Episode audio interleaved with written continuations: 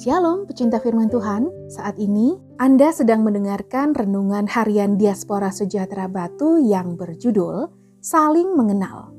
Bacaannya diambil dari kejadian 29 ayat 1 sampai 8. Yakub di rumah Laban.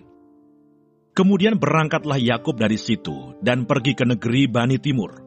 Ketika ia memandang sekelilingnya, dilihatnya ada sebuah sumur di padang, dan ada tiga kumpulan kambing domba berbaring di dekatnya.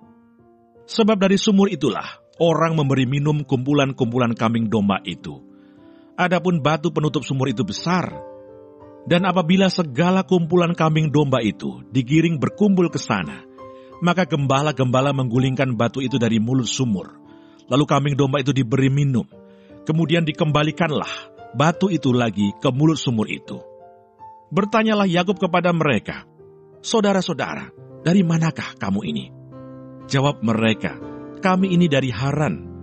Lagi katanya kepada mereka, kenalkah kamu Laban, cucu Nahor? Jawab mereka, kami kenal. Selanjutnya katanya kepada mereka, selamatkah ia? Jawab mereka, selamat. Tetapi lihat, itu datang anaknya perempuan Rahel dengan kambing domanya. Lalu kata Yakub, hari masih siang, belum waktunya untuk mengumpulkan ternak berilah minum kambing dombamu itu, kemudian pergilah menggembalakannya lagi. Tetapi jawab mereka, kami tidak dapat melakukan itu selama segala kumpulan binatang itu belum berkumpul. Barulah batu itu dikulengkan dari mulut sumur, dan kami memberi minum kambing domba kami.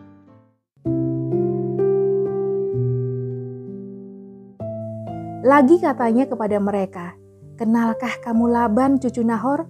Jawab mereka, kami kenal. Kejadian 29 ayat 5. Kehidupan di desa memiliki ciri yang sangat khas. Masyarakatnya satu dengan yang lainnya saling mengenal walaupun jarak rumah mereka cukup jauh dan bahkan berkilo-kilometer. Hal ini menunjukkan bahwa kehidupan di desa masyarakatnya masih memiliki kepedulian satu dengan yang lainnya. Kondisi ini juga menjadi salah satu keunikan dan kekayaan bangsa Indonesia yang harus dipertahankan. Yakub ternyata tidak merasa kesulitan ketika mencari Laban di wilayahnya. Hal ini dikarenakan masyarakat setempat saling mengenal, sehingga Yakub bisa dengan tepat sampai pada tujuannya.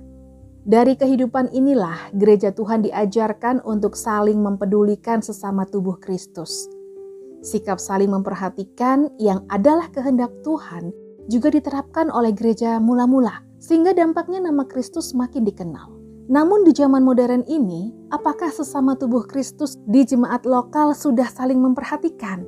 Minimal saling kenal di wilayah masing-masing, sehingga kepedulian kepada sesama bisa terrealisasi dengan baik. Untuk mendukung hal itu, gereja memberikan fasilitas atau wadah, yaitu mezbah keluarga atau komisi. Hendaklah fasilitas ini dipergunakan dengan baik supaya seluruh bagian dari tubuh Kristus saling mengenal dan saling mempedulikan sehingga nama Kristus makin dikenal banyak orang. Kiranya peristiwa sejarah yang dialami Yakub dengan gembala-gembala dari daerah Haran menyadarkan setiap kita sebagai tubuh Kristus untuk saling peduli. Dan marilah kita saling memperhatikan supaya kita saling mendorong dalam kasih dan dalam pekerjaan baik. Ibrani 10 ayat 24. Tuhan Yesus memberkati.